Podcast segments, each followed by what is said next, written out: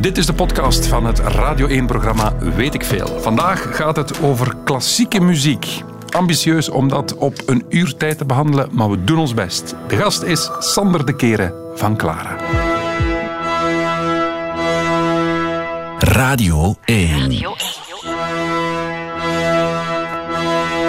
Weet ik veel? Met Kopen Ilse. Zeer goedemiddag allemaal. Goh, wat gaan we doen dit uur? Wel, we gaan het hebben over klassieke muziek.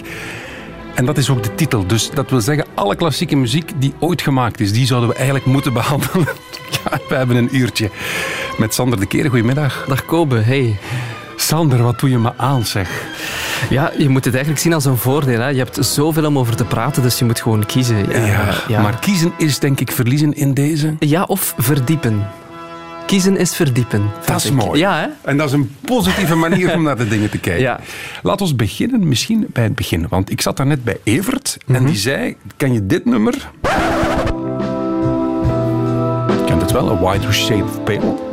En toen ik reclame kwam maken voor Weet ik Veel, zei je van ja, dit popliedje is gebaseerd op klassieke muziek. Ja. Net zoals eh, vele andere. Heel veel popmuzikanten hebben ja, klassieke muziek gebruikt als mosterd. En jij stond daar hier aan de glazen deur al te trappen van plezier. Van, en je zei, ja, ik weet het, want het is van... Onze Johann Sebastian Bach. Ja, En welk stukje precies? Het is een eh, orkestsuite, dus een, een, een werk voor een klein orkestje. En dit is een, eh, een rustig deel daaruit, een aria. Dus aria is eigenlijk een ander woord voor een melodie. Dus dit is de aria uit de derde orkestsuite van Bach. Dat is een lange titel, maar eigenlijk een heel eenvoudige melodie. Ja. En ja, daar hoor je toch zo'n beetje... You skip the line, Fandango. Goh, Ja, het is natuurlijk het is op een ander instrument gespeeld. Het is een, een orkest met strijkers, met klavecimbal. Bij Procol Harum is het een orgeltje dat het speelt. Maar eh, de, de, de sfeer, de klank en de, de melodie zit wel ongeveer in, het, in, hetzelfde, eh, ja, in hetzelfde wereldje. Ja, ja, ja, ja. Ik gaf daarnet ook het voorbeeld van All By Myself. Oh, Ja, Dat is die is goed. de Die, tweede van Rachmaninoff. die vind ik echt goed. Dus ja, je bent voor of tegen Celine Dion, denk ik. Eh, maar het is zo goed gemaakt. Dus inderdaad, All By Myself is gebaseerd op het tweede pianoconcerto van Rachmaninoff, van een Russische componist. Dat zitten we in de jaren 1910, 1920. Ja. En eh, dat is zo'n mooie melodie dat eh, ja, de producer of Celine Dion zelf, ik weet het niet, gezegd heeft van we moeten daar iets mee doen. En eh, voilà, het is All By Myself geworden. Je weet dat de Radio 1-luisteraar kritisch is. Ja, maar kritisch is oké? Dus we gaan... Ja, hoe, hoe gaan we dat doen? Hoe gaan we nu een uur klassieke muziek in... Ja, of, Hmm. hoe, ja hoe, beginnen we daaraan? Ja, ehm, ik zou eigenlijk altijd vertrekken van eh, wat, wat vind je mooi? Wat raakt jou? Of wat zijn zo van die eh, klassieke muziekstukken die, die heel bijzonder zijn? Eh, ik heb er heel veel meegenomen, kopen. Ik heb er ja, te veel voor een uur, maar te weinig voor de muziekgeschiedenis. Ehm, bijvoorbeeld, misschien in klassieke muziek hoor je ehm, melodieën, bijvoorbeeld, zoals in die aria van Bach. Dat zijn dingen die ik niet in popmuziek hoor, ook niet in jazz of in, in wereldmuziek. En, en daarom vind ik het wel interessant om eh, klassieke muziek ook te rekenen of toe te voegen aan je afspeellijst als je naar muziek luistert. Bijvoorbeeld... Even kijken. Ehm, ah, dat is wel interessant. Uh, Vier Elise van, van Beethoven. Kennen we. Ja. Die gaan we van boven zetten. Voilà, laat maar komen.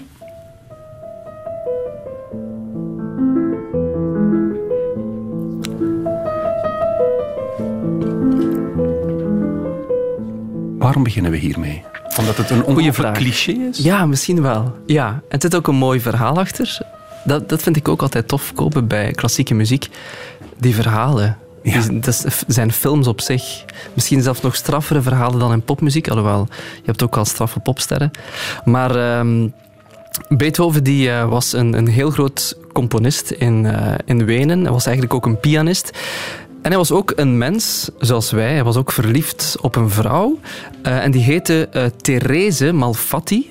Eh, een, een, goede, een, een goede vrouw in, in Wenen, van, van goede komaf. Nu had ik toch gedacht dat je Elise ging zeggen. Voilà. Dit is... Uh, ik heb eens gelezen dat dit een schrijffout zou geweest zijn, of een fout in de muziekgeschiedenis, dat het dus eigenlijk Vuur Therese is. Maar er is Vuur Elise van gemaakt. Wat ervan waar is, dat weet ik niet, want ik leefde niet in de tijd van Beethoven. Ik ben ook niet de waarheid, maar ik vond het toch wel straf. Want Beethoven die, die was heel geïnspireerd door de vrouw, is altijd alleen geweest, altijd single. Uh, was dan verloofd met een vrouw, maar zij is dan sneller getrouwd met iemand anders. En die Therese Malfatti was dus een van de vrouwen op wie Beethoven eigenlijk een, eh, een crush had. En voor haar schreef hij Vuur Elise. Liefdesliedje om mee te beginnen. Een mooie melodie ook op Goed sfeer, ja, goed sfeer. Ja, ja. we zijn goed vertrokken.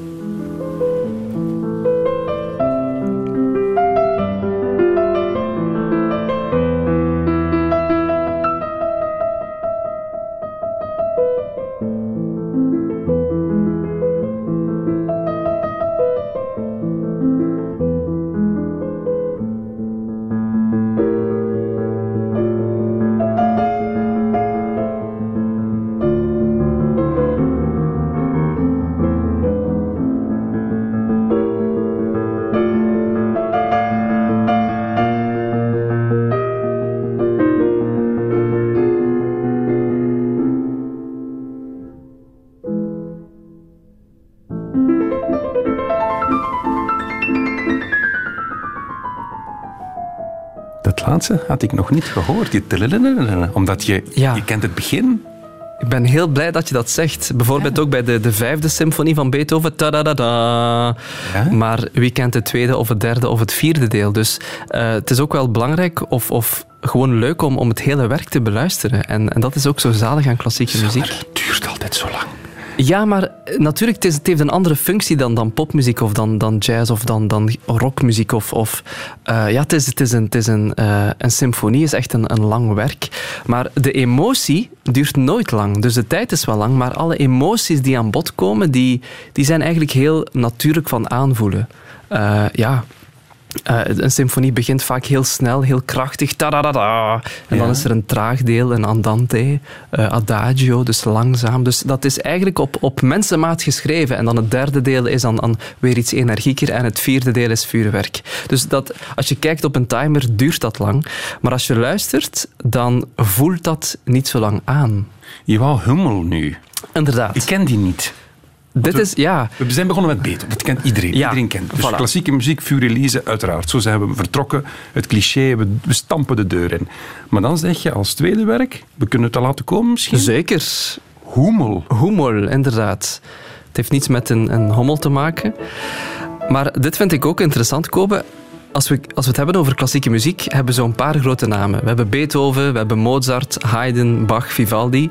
En eigenlijk is het een beetje de fout van de geschiedenis dat we per periode maar zo een paar voorbeelden hebben. Maar Wenen liep vol talent in die tijd, maar niet... Welke tijd uh, zijn Dit is de tijd 1770, 1830, dus de tijd van Beethoven. Um, Mozart was, leefde tot 1791, Beethoven tot 1827, dus nog iets later. Ja. Dus eigenlijk de overgang van, van klassicisme, van zo dat luchtige van Mozart, naar zo meer romantische muziek met meer emoties. Beethoven is daar eigenlijk het begin van. En die Hummel, die Johann Nepomuk Hummel, ook zo'n mooie naam. Nooit gehoord. Wel, die was eigenlijk even populair als Beethoven in zijn tijd. Maar die, die zijn we vergeten vandaag. Die heeft ook heel veel pianoconcerto's geschreven, dus veel werk voor piano. Um, was ook een goede vriend van Beethoven, maar Beethoven die, die had ook een, een imago, een ego. En die moest zich ook wat beschermen. Die, die, blijkbaar had Beethoven toch wel een invloed op Hummel. Hummel werd onzeker door Beethoven. Ah, dat is een oeh, dat oh, complexe vriendschap. Ja, Want jaloezie en afgunst en toch vrienden zijn, dicht bij elkaar blijven. Ja, Beethoven heeft ooit gezegd, er is maar één Beethoven. Dus die wist van zichzelf, ik ben goed. En als ik de tijd wil overleven, als ik na mijn dood wil blijven leven, moet ik dat ook waarmaken. Dus die heeft heel veel geschreven. Beethoven heeft ook heel veel um, eigen concerten georganiseerd in Wenen. Want in die tijd, ja, een, concert zoals, uh, ja, een concert zoals we vandaag naar een concert gaan, dat bestond nog niet. Qua organisatie, qua, qua uh, middelen, uh, qua toegang. Ik heb ooit eens ergens gelezen dat een, een toegangticket voor een concert ongeveer overeenkwam met een paar um, dagen dagloon van een arbeider in die tijd. Dus dat. Ja, dus dat was wel redelijk duur. Maar Beethoven heeft dat allemaal georganiseerd. Het was ook een beetje vriendjespolitiek met de juiste mensen in contact uh, staan in Wenen die een, een concertzaal hadden. Ja. Dus die was daar echt mee bezig. Beethoven was ook PR. Dus echt public relations. En daarom dat we hem nu nog kennen en die hoemel liep daar wat achter. Ja. Maar was, verkocht zichzelf misschien wat meer. Ja, veel componisten waren geïntimideerd door Beethoven. Maar Beethoven in de eerste plaats was gewoon goed. Hij was top. Beethoven was top, was crème de la crème. Beeld u nu in ja. dat er een hiernamaals is? En dat die hoemel naar ons aan het luisteren is. en wij zijn zijn vriend aan het ophemelen op zijn werk. Ja, maar oh. die hoemel zou wel blij zijn dat we hem eens laten horen. Is het waar? Ik denk het wel. Meneer Hoemel in de hemel daarboven. Dit is voor jou. Dit is voor jou.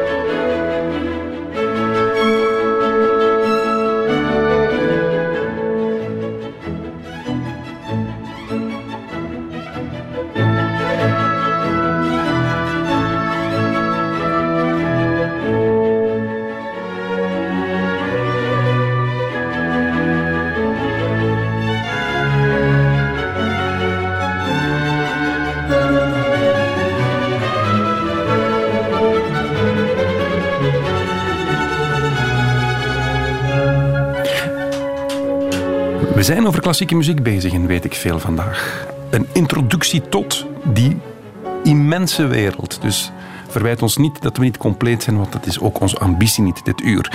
Wie zijn wij? Dat is Sander de Keren van Clara. Michel, onze technicus, die eigenlijk een pertinente vraag had. Want we hebben de term nu al veel gebruikt, beste Sander, klassieke muziek. Mhm. Maar noemden ze deze muziek in der tijd ook al klassieke muziek? Of hebben wij dat er sinds de jaren zoveel, 50, 60, van gemaakt? Dat is een heel goede vraag. Uh, ik heb daar geen eenduidig antwoord op. Wat ik wel kan zeggen, is eerst en vooral moeten we vandaag over klassieke muziek spreken om een onderscheid te maken uh, met andere genres. Elektronische muziek, voilà. andere dingen. Ja. ja. Dus elektronische muziek uh, verwijst naar de manier waarop de muziek ontstaat, dus door elektronische instrumenten. Um, Klassieke muziek ontstaat dan vooral door, of bijna ja, 95% door akoestische instrumenten um, die niet elektronisch worden voortgebracht. Dus dat zou een invulling kunnen zijn van klassieke muziek. Ja, en in de tijd van, van Hummel bijvoorbeeld was er niks anders dan dit. Nee, er, wa ja. er was ook volksmuziek, ah ja, voilà. maar uh, op, op volksinstrumenten. Maar ja, daarnaast, je had dus klassieke muziek, je had opera, je had theater, je had ook gesproken theater, gezongen theater tussen de twee. Um, maar inderdaad, je had geen, geen, geen popmuziek. Eigenlijk alles wat um, in, in de popbuurt kwam, was, was volksmuziek, denk ik. Wat gezongen werd in, in arbeiderswijken, wat gezongen mm -hmm. werd op, op kermissen, op, op, op huwelijksfeesten. En ik denk een tweede manier waarom we, of een tweede reden waarom we vandaag over klassieke muziek spreken, is omdat een bepaalde periode in de muziekgeschiedenis, dus als je echt heel theoretisch gaat kijken, dan is de periode van 1750 tot uh, uh, ja, begin de jaren 1800, nog iets later, is dat het klassicisme. Dus dat is een bepaalde periode in... Klassicisme, klassieke muziek. Klassieke muziek. Ja, ja dus in, in Wenen had je een paar componisten zoals Mozart, Haydn en ook nog Beethoven. En die worden theoretisch gezien als de eerste Weense school. Dat is allemaal droge materie. Maar uh, dat is wel de periode van het echte klassicisme. En daarna komt de romantiek. Dus daarna komen de, de expressieve gevoelens. En het klassicisme is eigenlijk allemaal heel volgens de regeltjes, heel braaf. Um, en als we denken aan klassieke muziek, mensen die niets van klassieke muziek kennen, zullen misschien wel snel Mozart zeggen. Mhm. Mm -hmm. En dan is het misschien geen toeval dat Mozart ook net klassicisme is. Klassieke muziek, klassicisme, ja. Ik kijk naar Michel. Heeft dit jouw Goed vraag antwoord? een beetje... ja. Even deze prachtige les esthetica onderbreken met droge materie. Op de E40 van Brussel naar de kust vielen golven tussen Aflichem en Zwijnaarden. De Antwerpse ring richting Gent een half uur aanschuiven. Vanaf Antwerpen Noord tot de Kennedy-tunnel. Naar Antwerpen op de E34 10 minuten extra vanaf Melzelen. Op de E17 10 minuten erbij vanaf het parkeerterrein Kruibeke. Op de E19 10 minuten erbij vanaf Sint-Job. En ook nog 15 minuten vertragen op de E313 vanaf Massenhoven. Naar Knokke verlies je 10 minuten op de N49 vanaf Westkapelle. Op de buitenring rond Brussel 10 minuten extra van Wezenbeek tot Diegem. En in Aartselaar is door een ongeval de N177, dat is de Boomse Steenweg, versperd richting Antwerpen tussen de Pierstraat en de Langlaarsteenweg.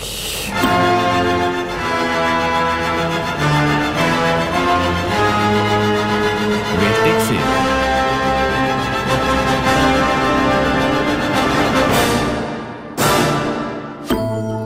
Aangepaste jingles.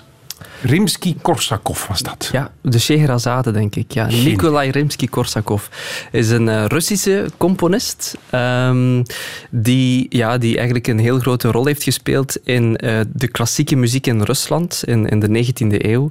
En eh Rimsky-Korsakov, dan had je ook in Rusland soms te verwijden, maar boeiend figuur. Is waar? Ja. Ah, Kunnen we roddelen? Kunnen we We kunnen, nee, maar ja, we kunnen wel roddelen kopen. Is Ja, ja, ja, ja, ja, ja, ja. Zetten we een muzieksknop onder, Chris? Ja, ja eh, ik zie daar Stravinsky staan. Ah, Eh, ja. Stravinsky in, in mijn lijstje. En als ik het goed heb, heeft Igor Stravinsky heeft hij les gevolgd bij Nikolai Rimsky-Korsakov. Ja. Dus eh, Stra- st- eh, Nikolai Rimsky-Korsakov die, die vond Stravinsky zo goed, was echt een jong talent. En die zei, je moet bij mij les volgen. En, en eh, Nikolai Rimsky-Korsakov was ook iemand van de Russische volksmuziek. En dat heeft Ja. Stravinsky ook meegenomen in zijn muziek. Wat we nu horen, Kobe, is balletmuziek. Beeld u dus eh, een balletgezelschap, balletmuziek in Parijs. We zitten in het jaar 1913 Ja. En dan eh, moet er gedanst worden op deze tonen.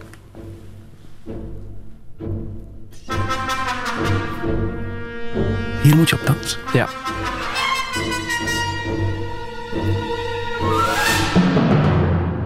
Dat lijkt me geen evidentie. Nee, en dat was het toen ook niet. Want dit staat bekend als een van de meest rampzalige... Kijk, dit ook. Die, oh, schitterend. Die ritmes. Het onvoorspelbare. Ja, jij, je, zit hier. Je hebt een. Ik denk dat we voor de eerste keer op Radio 1 iemand met een orgasme hebben. jij, een jij oor- een orgasme. ik vind dit niet goed. Nee, Nee. waarom niet, Ik vind, mag ik? Ik Ja, lawa- ik vind het lawaai. Dit, is, dit zijn honderd ideeën en allemaal samen. Oké, interessant. Heel interessant. We zitten in het jaar 1913. Ehm, de oorlog was nog net niet begonnen, maar de maatschappij Parijs was enorm aan het veranderen. Als je kijkt naar de schilderkunst, eh, wie was toen een van de boegbeelden? Pablo Picasso. En wat deed die? Als, als Picasso een portret maakte van een vrouw, was dat geen realistische weergave, maar waren dat kubussen, hoeken, rare kleuren, Ja, ja, ja. hoekig, agressief. En dat was een, een soort van ja, een, een, een nieuwe kunststroming toen in Parijs. En wat Picasso doet in de kunst, dat deed Stravinsky in de muziek.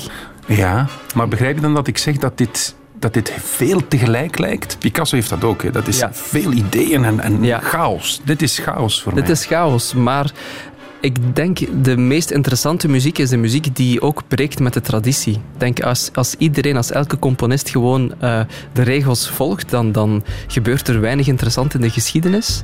En Stravinsky was iemand die dat echt durfde. Het publiek in Parijs was heel verwend met klassieke balletmuziek, eh, romantische balletmuziek. Denk aan Tchaikovsky of Leo Delibes, was een Franse componist. En toen kwam dit op het podium. Ehm, de zaal begon te roepen tegen elkaar. Alle loges begonnen elkaar uit te schelden, want dat waren ook allemaal andere standen toen van de maatschappij. Die, het was te veel, het was een druppel. Ehm, licht, zaallicht werd aan en uitgedaan. Eh, er werd geroepen door de choreograaf, een Russische choreograaf. Want de dans, dat is wel interessant. Het was eigenlijk een soort van, je moet je voorstellen, zo een, een Griekse vaas waarop er zo iemand staat met zo eh, de, de armen of zo'n Egyptische ja, ja. hier, eh, afbeelding. Zo dansten die, die, die, die, die, dansers. Heel hoekig, heel tweedimensionaal, heel onnatuurlijk. En die sprongen ook in de lucht en die, die hadden een bezwerende dans. Want dit werk is Le Sacre du Printemps, het lenteoffer. En het gaat dus over een jonge vrouw die wordt geofferd. Het is echt een volksritueel en dan zitten we weer aan het begin aan die volksmuziek van Nikolai Rimsky-Korsakov. Met andere woorden, Kobe, dit klinkt hels, maar dit is eigenlijk een van de, voor mij persoonlijk, een van de sterkste werken uit de 20e eeuw. Echt waar. De finale komt eraan. We, we, we, we geven het een kans. we geven het een kans.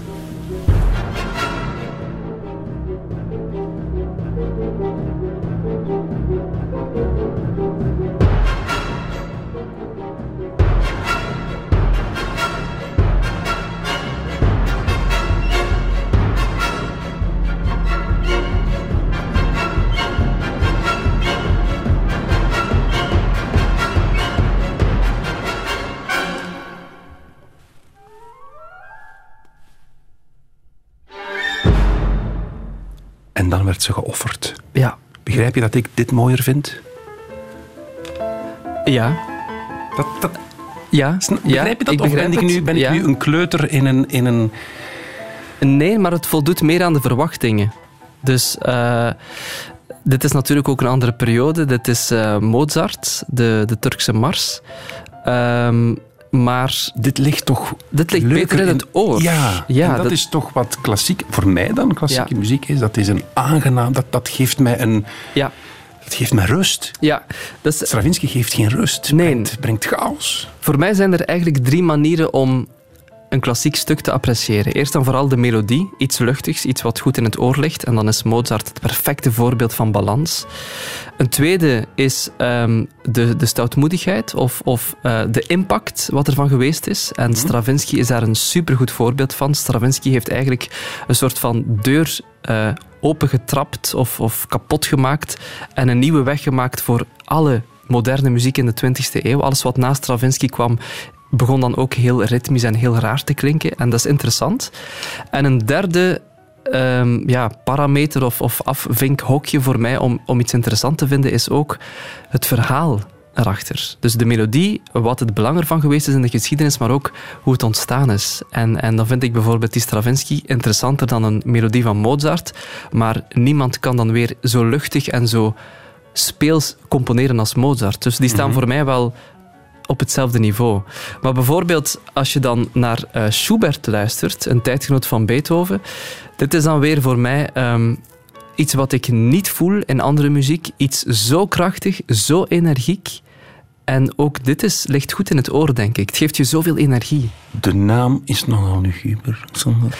Der Tod und das Mädchen, inderdaad. Ja, het gaat eigenlijk ja, het gaat over de dood en een, en meisje. Het is, een, ehm, het is eigenlijk moeilijk om uit te leggen, maar Schubert had al een lied geschreven over eh, de dood en een meisje.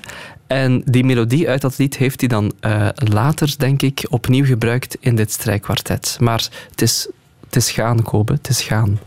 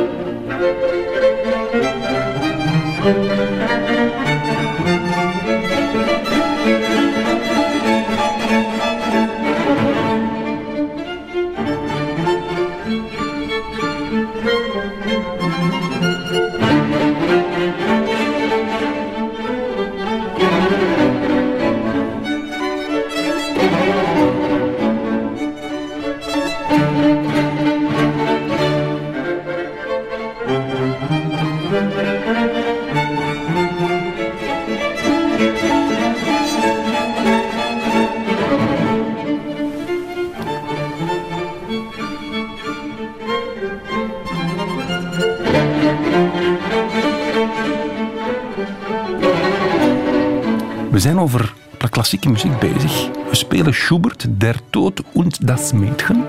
Zeer juist, Kobe. Want Sander de Keren van Clara, onze gids in dit uur, in dit bad van heerlijke ontdekkingen, mag ik het zo toch omschrijven? Vind ik fijn dat je dat zo zegt. Ja, ja, tof. ja.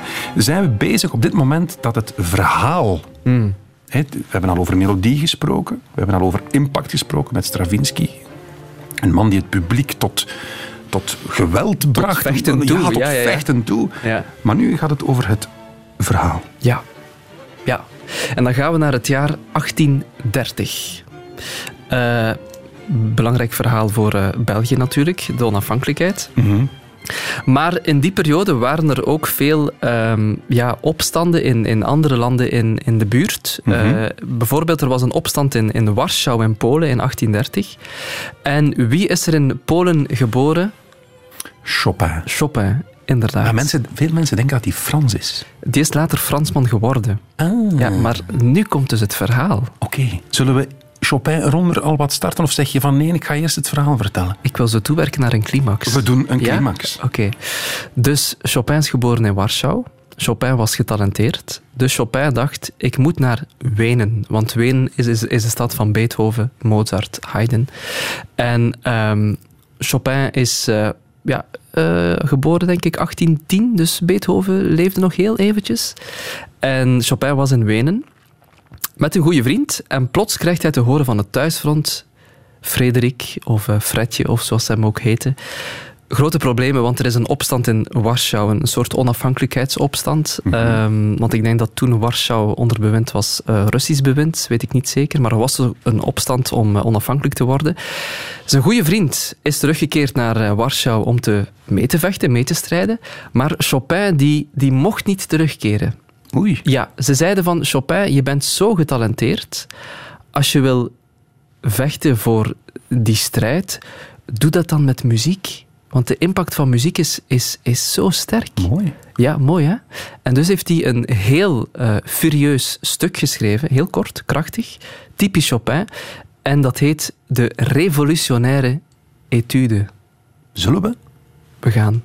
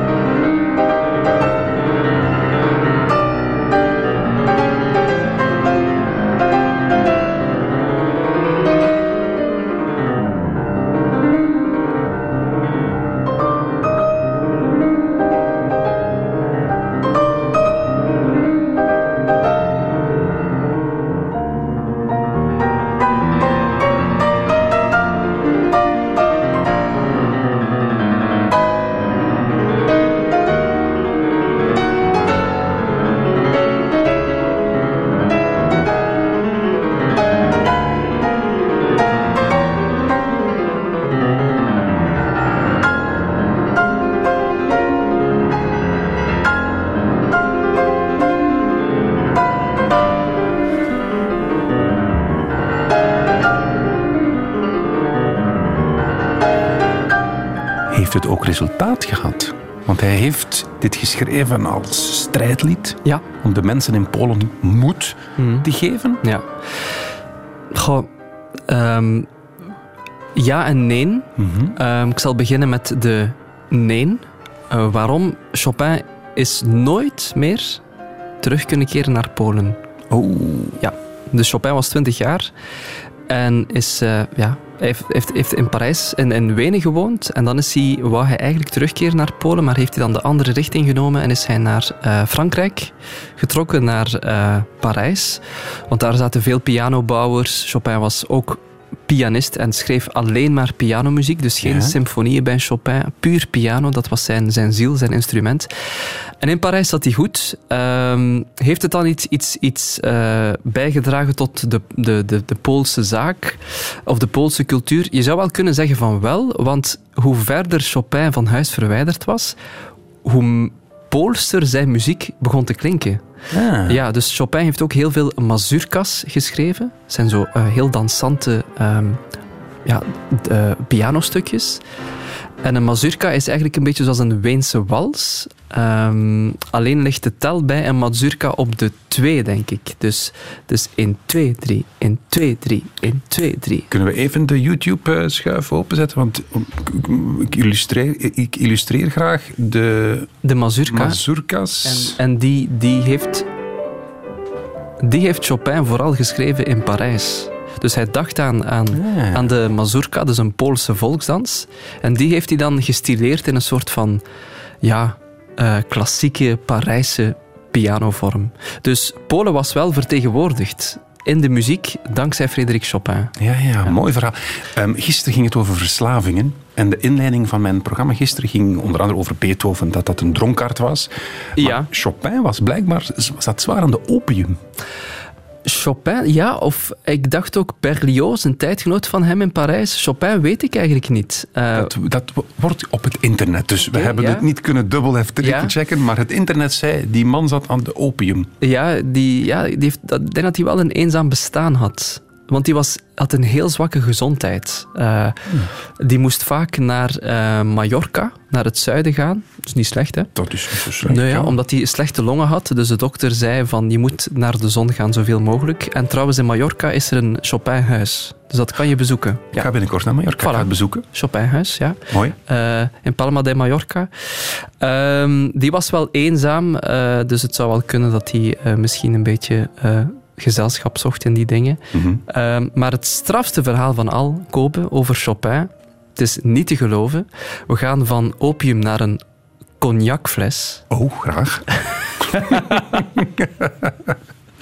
We gaan eh, de cognac eh, erin laten. Dat is goed straf, hè? want er wordt gezegd, opnieuw, ik ben niet de waarheid, maar ik heb het al gelezen en, en gehoord. Er wordt gezegd Ja, ja, dat het lichaam van Chopin, dat ligt begraven op eh, Père Lachaise in Parijs, Mhm. maar het hart van Chopin, dat ligt in Warschau. Dat wordt gezegd.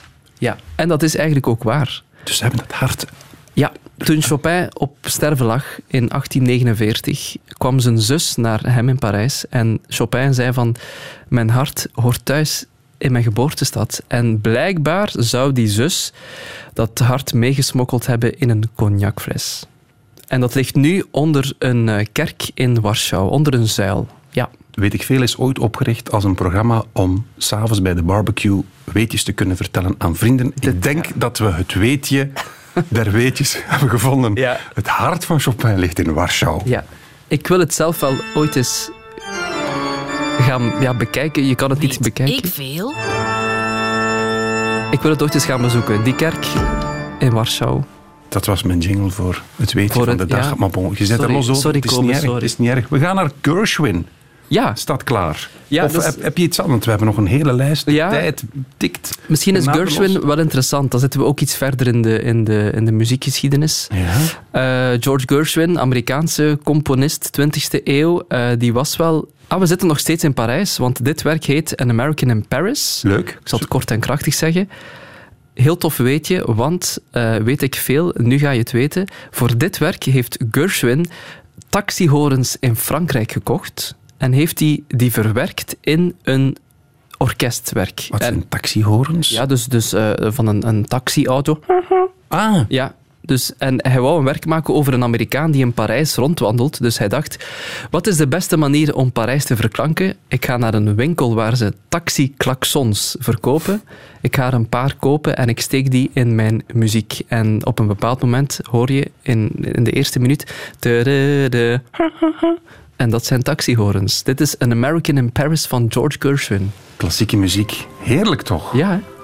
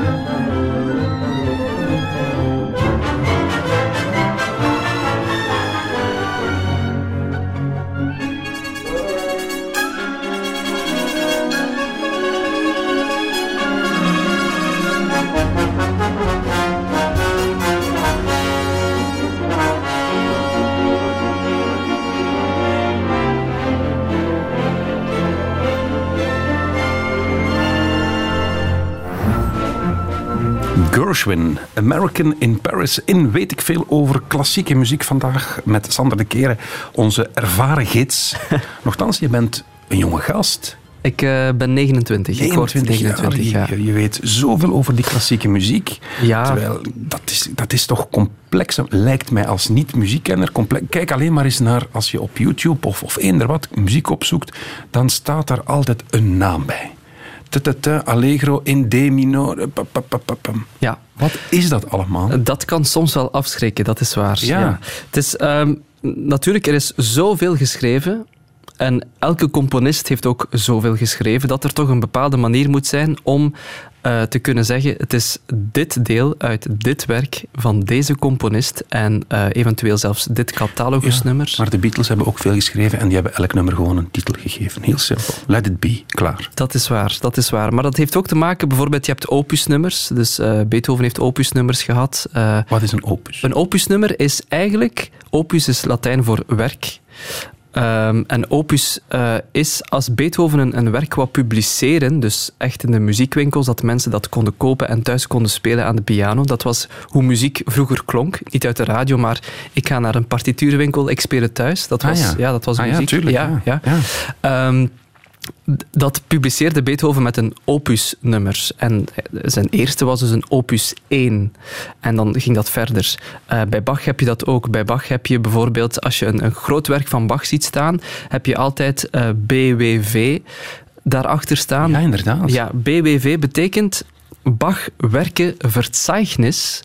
En dat is eigenlijk een, een, een term die zegt de catalogus van Bach. En dan staat daar een nummer naast. Dat gaat tot boven de duizend. En dat is eigenlijk een catalogus die de muziek van Bach um, um, bundelt per thema. Dus alle instrumentale muziek is samen, uh, alle vocale muziek, Jongens. alle religieuze muziek. Dus al die dingen samen. Heb je zo'n soort van ordening. Uh, als je kijkt naar Beethoven is het een, een opusnummer. Maar ja, het, het is eigenlijk zo complex. Bijvoorbeeld de, de, de vijfde symfonie van Beethoven is dan bijvoorbeeld uh, symfonie nummer vijf in C klein, wordt dan gezegd. En ik zie soms mensen denken, een kleine C, die zien dan zo'n kleine C voor zich. En wat is dan het verschil met de grote C? Dat is eigenlijk de, de toonladder. Dus je hebt um, vroeger, zeker in de romantiek, ook in de 19e eeuw, of, of ook zelfs in de, in, de, in de 18e eeuw, was een toonladder. Dus als je bijvoorbeeld de piano neemt, dat je neemt, speelt alle witte toetsen van do naar do, do, re, mi, fa, sol, la, si, do. Daar zitten geen zwarte toetsen tussen. Mm -hmm. um, dat is eigenlijk gewoon do groot. Dat leer je op de muziekschool. Maar dan kan je altijd een zwarte toets daarbij doen en zo kan je verschillende uh, loopjes, uh, reeksen en klanken en gevoelens opwekken door de combinatie van witte en zwarte toetsen op je piano. Hmm. En dat is gebundeld in een soort van ja, toonladdersysteem.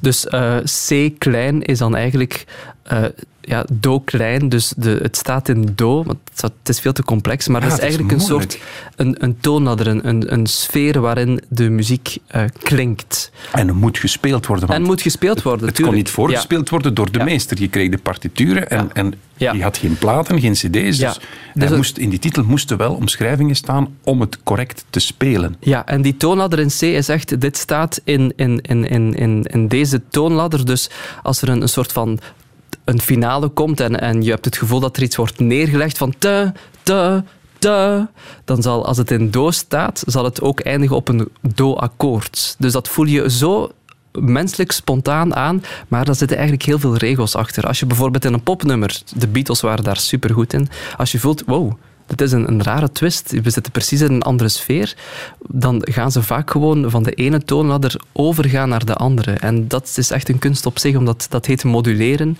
Dus dat zijn toonladders. Um... noteer. Ja, noteer. Ik hoop niet dat dat in het examen zit straks. Nee, maar je hebt dan ook bijvoorbeeld uh, dynamische uh, Italiaanse muziektermen die, die zeggen hoe je het moet spelen. Bijvoorbeeld uh, scherzo is zo eentje. Scherzo, dat is Italiaans. Je kan dat zien als grapje. -hmm. Hoe kan je nu een grapje maken in muziek? Uh, dus door eigenlijk een soort A-deel te spelen.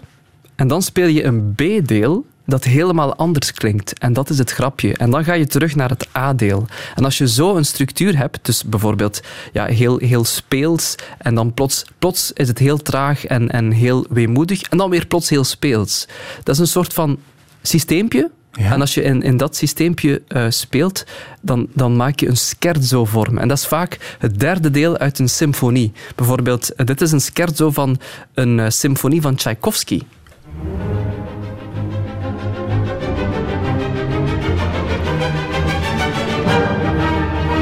En help ons, waar moeten we naar luisteren? Natuurlijk, je zei het al aan het begin, hè, van weet ik veel, een symfonie duurt wel lang, inderdaad. Dus als je dit helemaal door zou luisteren, het hele scherzo, ga je zien dat in het midden het plots heel rustig wordt. En, en heel langzaam, om dan terug vol een bak te gaan. En Ah, dat het- willen ze ja, ja, ja. het feit dat dat gebeurt, dat je plots zo, wow, wat is dit? Iets helemaal anders, dat is het, het, een grapje, een scherzo. En zo heb je verschillende eh, termen. Je hebt ook eh, een allegro, dat is iets wat snel gaat. Je hebt ook andante, dat moet traag gespeeld worden. Je hebt ook eh, largo, ook heel traag.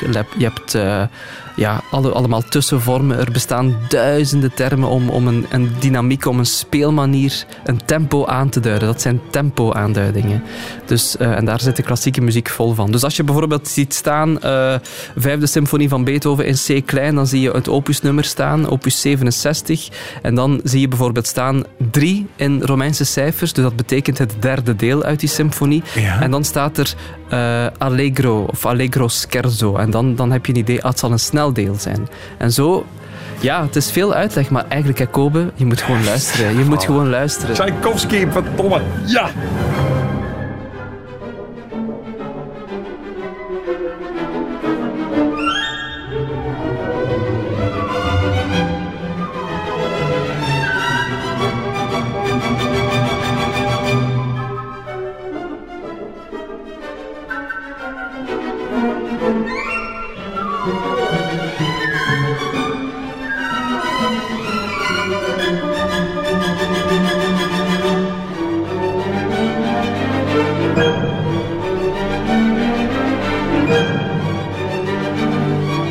Zeg, we dachten even gewoon te luisteren, maar wat blijkt, Sander heeft iets aan te merken. Het ging over scherzo Een mopje, een grapje, zoals hier. in de muziek. Dus we zijn vrolijk bezig. Ja. Lalalala. Op tempo. Ja. En dan plots, dit moet een scherzo zijn, dus er moet een, een contrasterend middendeel in zitten. Iets wat helemaal anders klinkt. En dan krijg je bij dit scherzo van Tchaikovsky dit.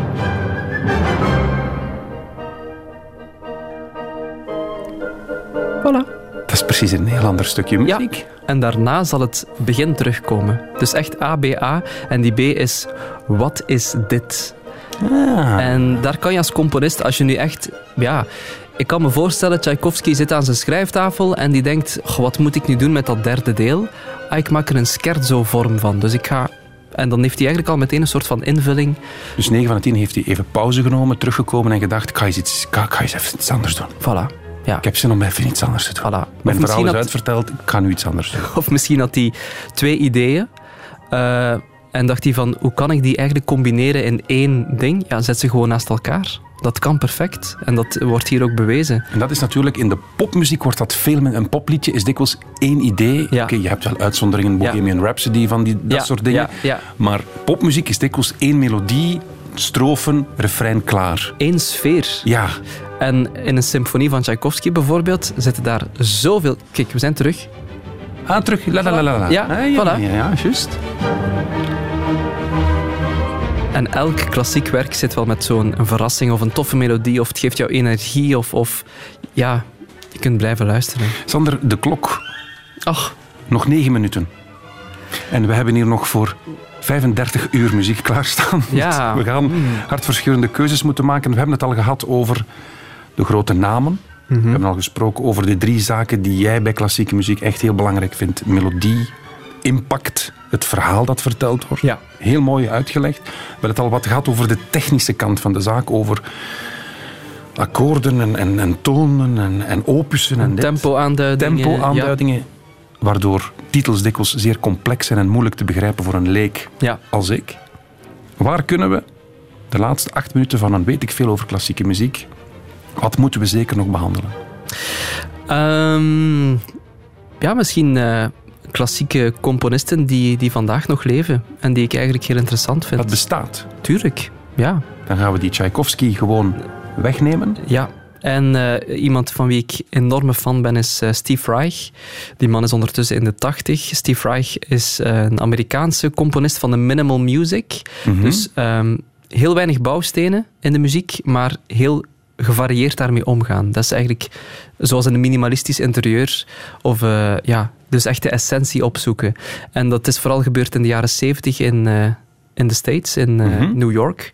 Philip Glass, die we misschien ook wel de kennen. Filmcomponist. De filmcomponist ja. is eigenlijk ook een van de boegbeelden van de minimal music. Zo heel toegankelijke, eenvoudige muziek, maar het zit wel redelijk complex in elkaar. En bijvoorbeeld, dit vind ik echt zalig. Ook voor, dit is ook voor mij klassieke muziek. Dit is uh, clapping music van Steve Reich. Dus er wordt een ritme geklapt um, met de handen. Steve Reich klapt zelf ook mee. Maar dan gaat een van de twee klappers um, hetzelfde motiefje klappen, maar iets later of iets vroeger. En dan krijg je heel complexe ritmes. Maar eigenlijk vertrekt alles vanuit dezelfde bouwsteen. Er wordt maar één ritme gebruikt en het het is zalig. Clapping music.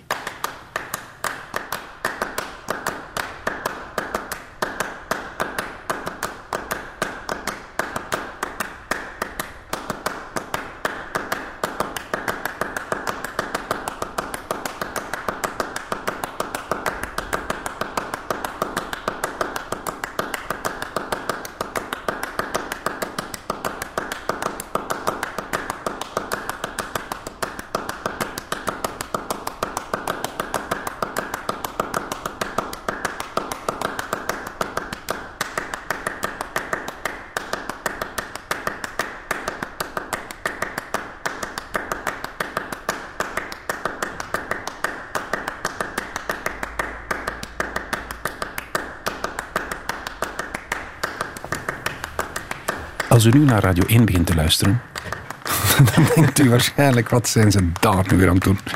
Wel, u luistert naar een weet ik veel over klassieke muziek. Mm. Sander de Keer van uh, Clara is onze gids en heeft op acht minuten van het einde van het programma gezegd ja, dit moeten jullie horen als we een weet ik veel over klassieke muziek maken. Reich met clapping music. Waar zijn de strijkers, Sander? Waar, waar zijn de trompetten, het symfonisch orkest? Mm. Dit is toch geen klassieke muziek? Ik vind het wel, want... Het handgeklap. Ja, maar als je eigenlijk ziet, dan... Als je eigenlijk de hele 20e eeuw bekijkt, hè, we zitten dus... Je hebt dan Stravinsky in de jaren 1910. Je hebt dan laat, eigenlijk na de oorlog, 1918, wordt de klassieke muziek heel uh, abstract en heel experimenteel. De, de, de, de, veel melodieën, niet alle componisten. Je hebt Rachmaninoff, die bleef heel melodisch schrijven tot in de jaren 40. Maar de, de, de grote vernieuwing kwam door heel atonale muziek te schrijven, heel complexe, wiskundige muziek. En dat is zo in een stijgende lijn gegaan tot in de jaren 50, 60. En toen is er een tegenbeweging gekomen. Dus mm -hmm. de muziek was zo abstract, zo intellectueel geworden dat een groep componisten gezegd heeft we moeten terug. We moeten terug naar de minimal gaan. We moeten ja, naar de essentie. Naar de essentie gaan. En in, in die optiek klopt het. Klopt het verhaal van Reich en is het eigenlijk nog altijd klassieke muziek van een antwoord bieden op iets wat voor jou is gebeurd en misschien ook wel een weg maken voor de mensen die na jou komen. Dat heeft Stravinsky ook gedaan. Dus lesgevolgd bij die Rimsky-Korsakov, dus die volksmelodieën uit Rusland meegenomen, maar toch dat brutale van, van de nieuwe eeuw. En bij Reich vind ik dat ook. Die heeft echt een, een nieuwe taal ontwikkeld. En zijn taal is dan vooral eenvoudige bouwstenen, maar ze heel complex combineren. Dat is het, het, het minimalisme van Steve Reich. We zijn vandaag de dag. Tavener, Spreek ik het goed uit? Ja, John Tavener. Ja. Die wou je ook nog laten horen. Ja, dat is heel mooi, want dit lijkt eeuwen oud. Um, maar het is eigenlijk, uh, ik denk, uh, van de jaren negentig. Dus uh, het is 30 jaar oud, John Tavener. Dat is mijn mug. Schoon, hè?